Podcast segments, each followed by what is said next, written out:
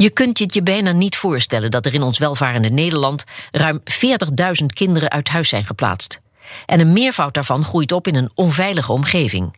Goede hulp voor onze kinderen is heel hard nodig. Waarom is die zo moeilijk te vinden? Afgelopen jaar luiden jeugdhulporganisaties meerdere keren de noodklok vanwege geldtekort, personeelstekort en hele lange wachtlijsten. Met mijn gasten sprak ik over de problemen, maar liever nog hoor ik natuurlijk wat de oplossing is. Suzanne de Ruig, systeemtherapeut en betrokken bij mentorproject JIM. En Maaike van der Aar, bestuurder FNV Zorg en Welzijn. met al 15 jaar jeugdzorg in haar portefeuille, hadden daar wel ideeën over. Ja, Maaike, faillissementen, weinig continuïteit. Er gaat heel veel mis in de jeugdzorg, hè? Ja, er gaat eh, behoorlijk wat mis in de jeugdzorg. Ja, Overigens, wat zoal? Nou, het, je noemt het faillissement. Het zijn geen faillissementen. Het zijn politieke keuzes om uh, jeugdzorgorganisaties uh, wel of niet in te kopen en wel of niet voor te laten bestaan. Um, en uh, we zien dat jeugdzorgorganisaties over het algemeen onder de kostprijs, dus onder wat ze zeg maar, moeten uitgeven om te blijven bestaan en zorg te bieden, het werk moeten doen. Um, nou, dan zie je dus dat uh, als je te weinig geld hebt, dan, dan doet dat iets met de hoeveelheid personeel die je kan aannemen. Dat doet iets met de werkdruk van medewerkers als er te weinig mensen zijn voor te veel werk. Dat doet iets met het verzuim, met het verloop, met de aantrekkelijkheid van de sector. Daarnaast is er sprake van ongelofelijke explosie van administratie. Wat, uh, ja, wat ik val je in de reden. Gaan er ook nog dingen goed daar? uh, wat er goed gaat, is dat we een heleboel jeugdzorgwerkers hebben die ontzettend hard werken en die het werk wat ze doen, dus de inhoud van uw vak het mooiste beroep van de wereld vinden. En ik durf te stellen dat uh, de sector op dit moment drijft op uh, die professionals. Ja.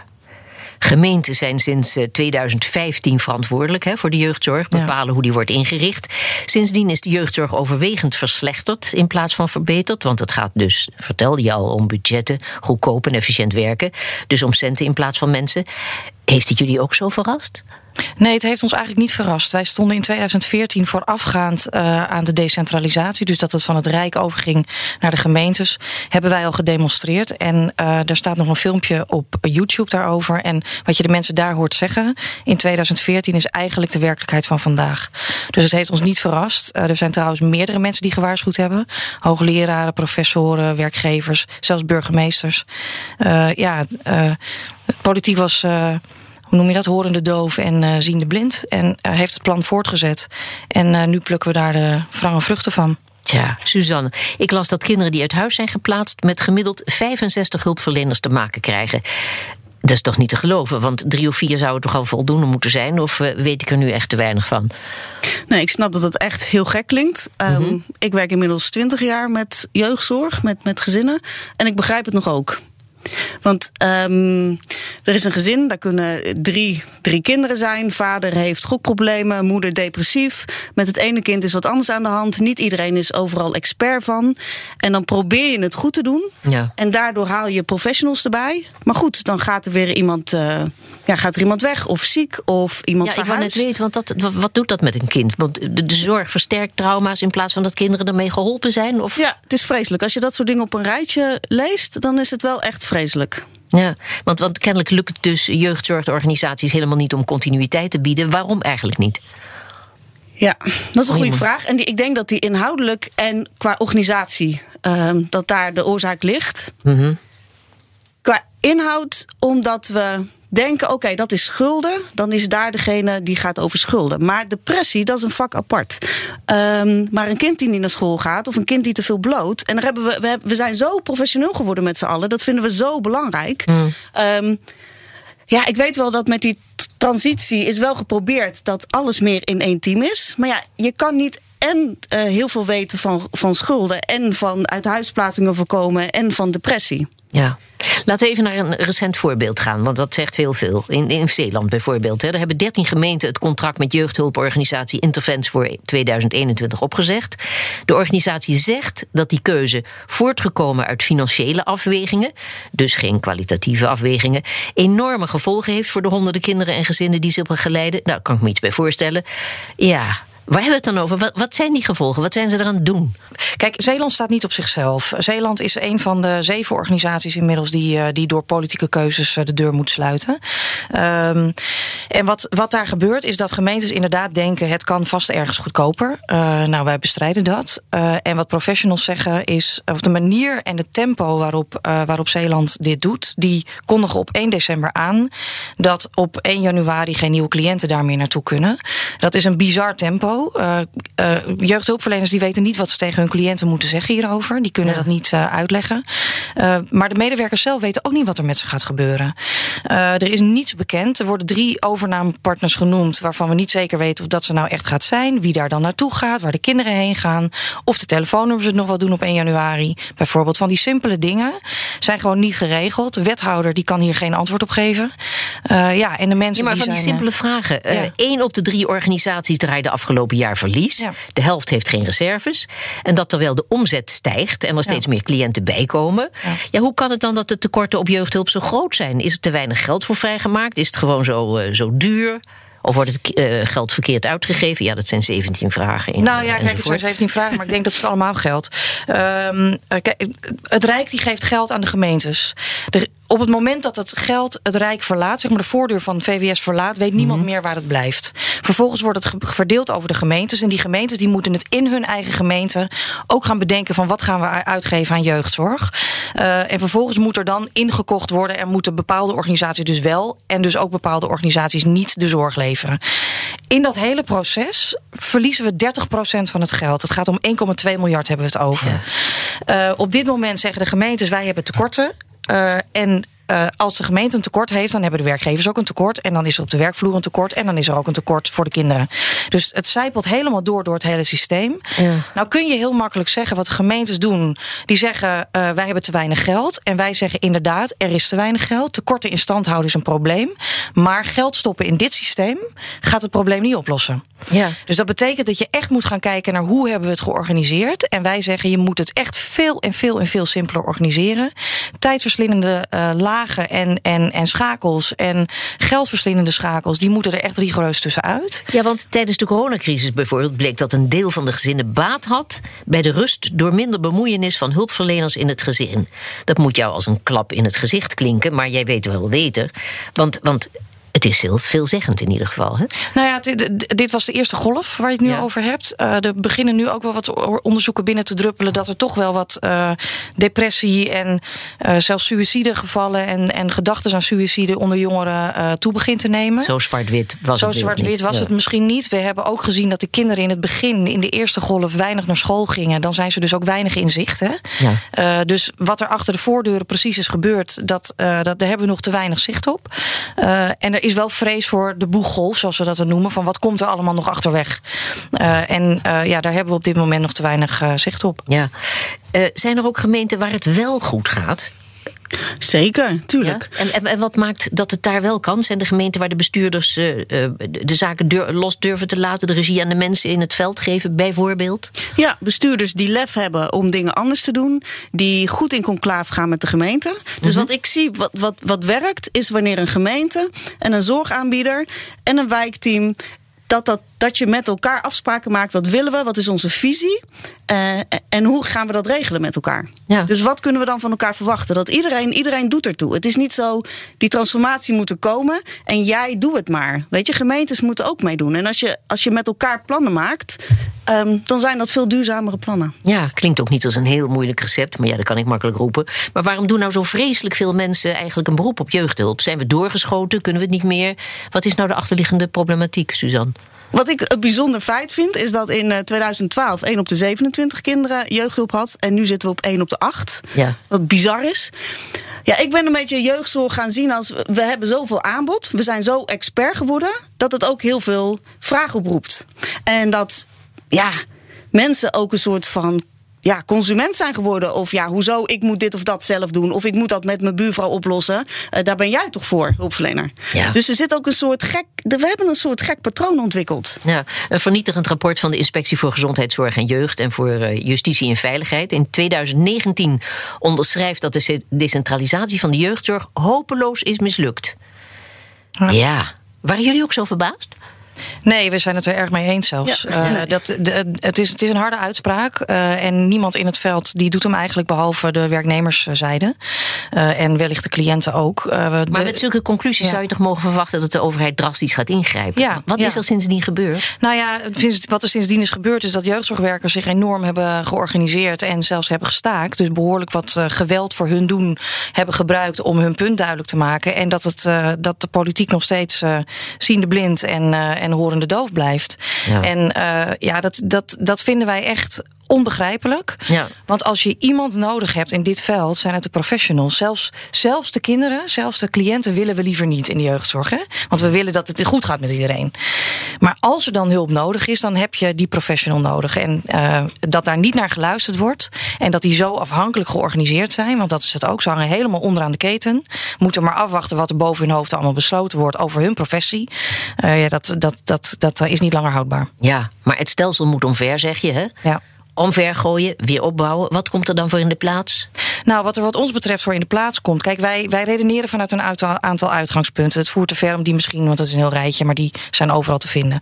Um, uh, en, en die uitgangspunten, dat is dus we redeneren vanuit de inhoud. En mm-hmm. als we dat gaan tekenen, dan zou je zeggen dat de hoogspecialistische en de specialistische jeugdzorg en de jeugdbescherming eigenlijk landelijk gefinancierd zou moeten worden. Mm-hmm. Wel decentraal uitgevoerd. Dus dat betekent heel dicht bij het kind blijven, zo dicht mogelijk, liefst in huis.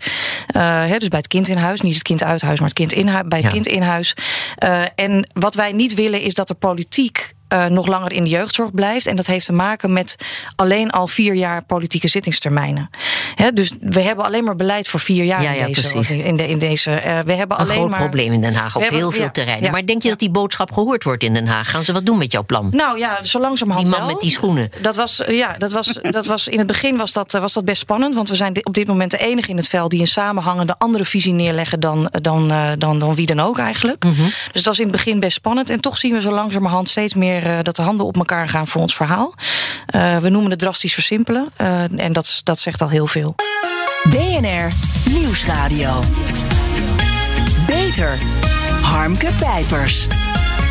Het verzuim en het verloop binnen de jeugdzorg is hoger dan ooit, waardoor kinderen te laat, verkeerd of niet geholpen worden en soms wel met tientallen verschillende hulpverleners te maken krijgen. Dat moet toch ook anders kunnen?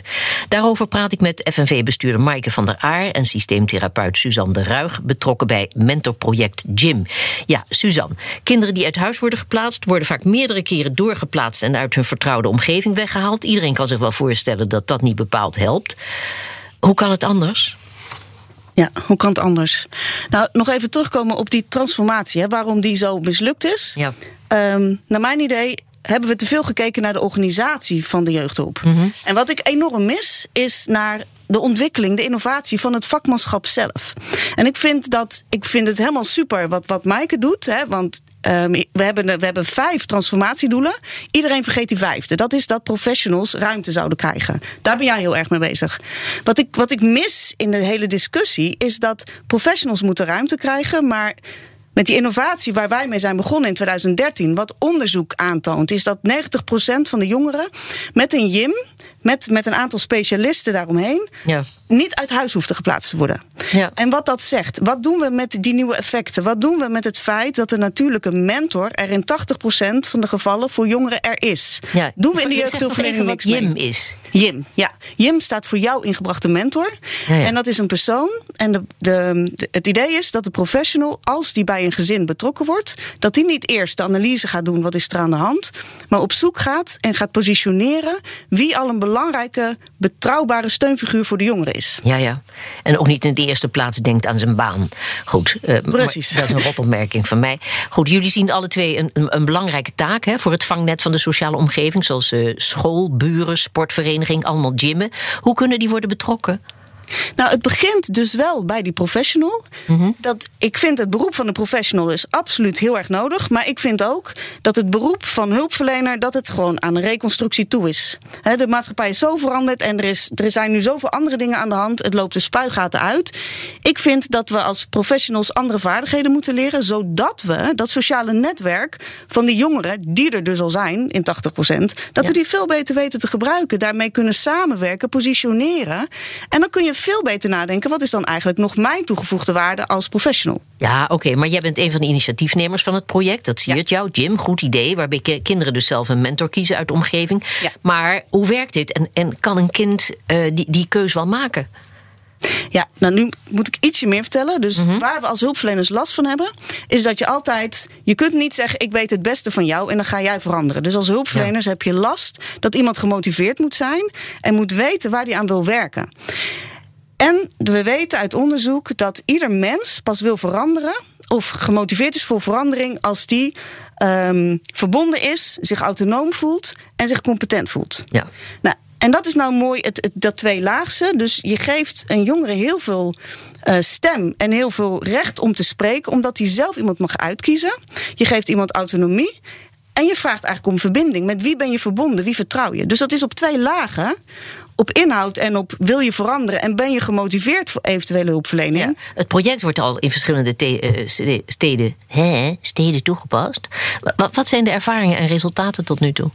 Ja, die zijn gigantisch. Je merkt ten eerste dat, er, dat professionals te blijven worden, dat het een andere dynamiek is. Mm -hmm. Het is wel even wennen. Professionals vinden het lastig. 99 procent, dat is even uit mijn hoofd, van de jongeren die zijn hier enthousiast over. Die vinden het logisch. Ja. Ouders vinden het soms lastig. Hè? Van, um, ik dacht toch dat er een professional zou komen. En waarom moet ineens wordt mijn zus betrokken?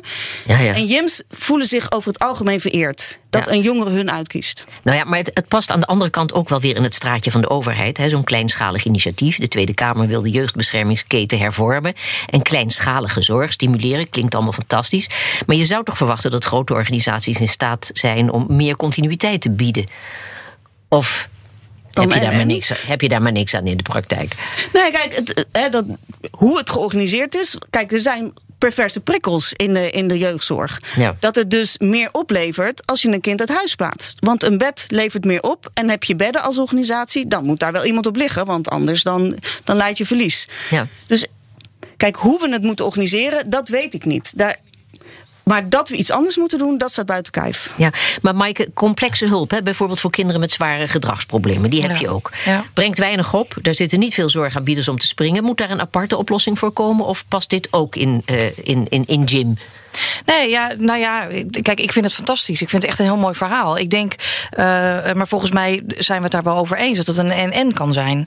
Hè? En uh, uh, ik denk dat, dat, dat, het, dat het eigen netwerk versterken. Ja, ik ben geen, ja, ik ben niet meer professional. Dus ik was wel professional. Maar als ik vanuit daar nog even denk, denk ik van dat is een hartstikke mooie aanvulling. Ja. Ik denk wel dat we ontzettend uit moeten kijken voor die scheidslijn uh, van wanneer mis je, mis je iets. Hè? Dus die professional, die professionele blik, die zou eigenlijk wel aanwezig moeten blijven. Nou, maar bovendien, in het plan van de FNV zijn de gemeenten niet meer verantwoordelijk voor de inkoop van de jeugdzorg. Maar, maar wie dan wel?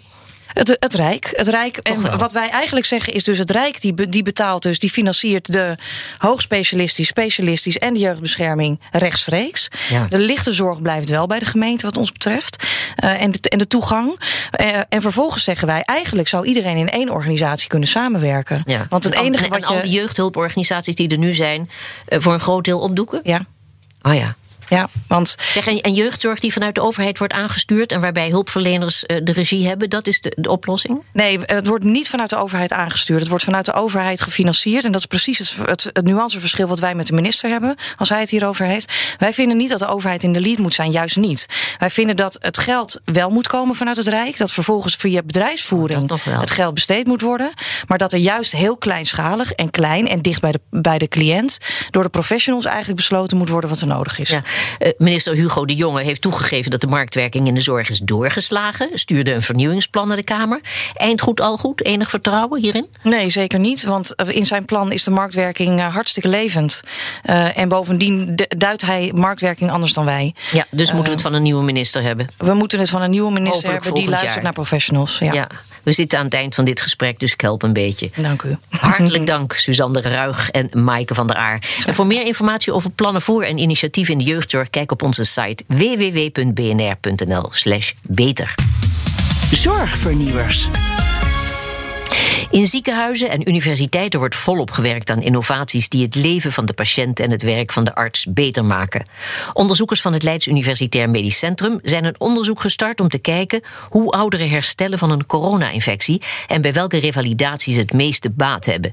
Ja, ik ga praten met Mirjam Haaksma, senior onderzoeker van het LUMC. Het gaat om ouderen dus die echt ernstig ziek zijn geweest. Welke gevolgen uh, ziet u bij ouderen? We zien bij ouderen dat zij, uh, zeker wanneer ze langere tijd op de intensive care hebben gelegen, bijvoorbeeld aan de beademing, mm -hmm. dat zij uh, aan conditie verloren hebben en daardoor een stukje van hun zelfstandigheid moeten inleveren. En in zo'n geval kan een revalidatietraject dus uh, ja, van pas komen. Een revalidatietraject, maar waar bestaat dat uit? Want wat hebben ze vervol vervolgens echt nodig om te herstellen?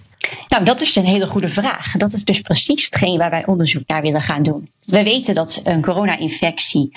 Uh, revalidatie die daarbij komt kijken, uiteraard anders zal zijn dan revalidatie na een heupenbreuk of een beroerte. Ja. Dat zijn toch de, de, de oorzaken voor revalidatie die het meest voorkomen. Uh, maar wat er dan precies nodig is, dat is waar we met deze studie graag inzicht in willen krijgen. Ja, want hoe, hoe, hoe gaat dit onderzoek eruit zien? Gaat er vergeleken worden met de praktijk in het buitenland of juist in het geheel niet?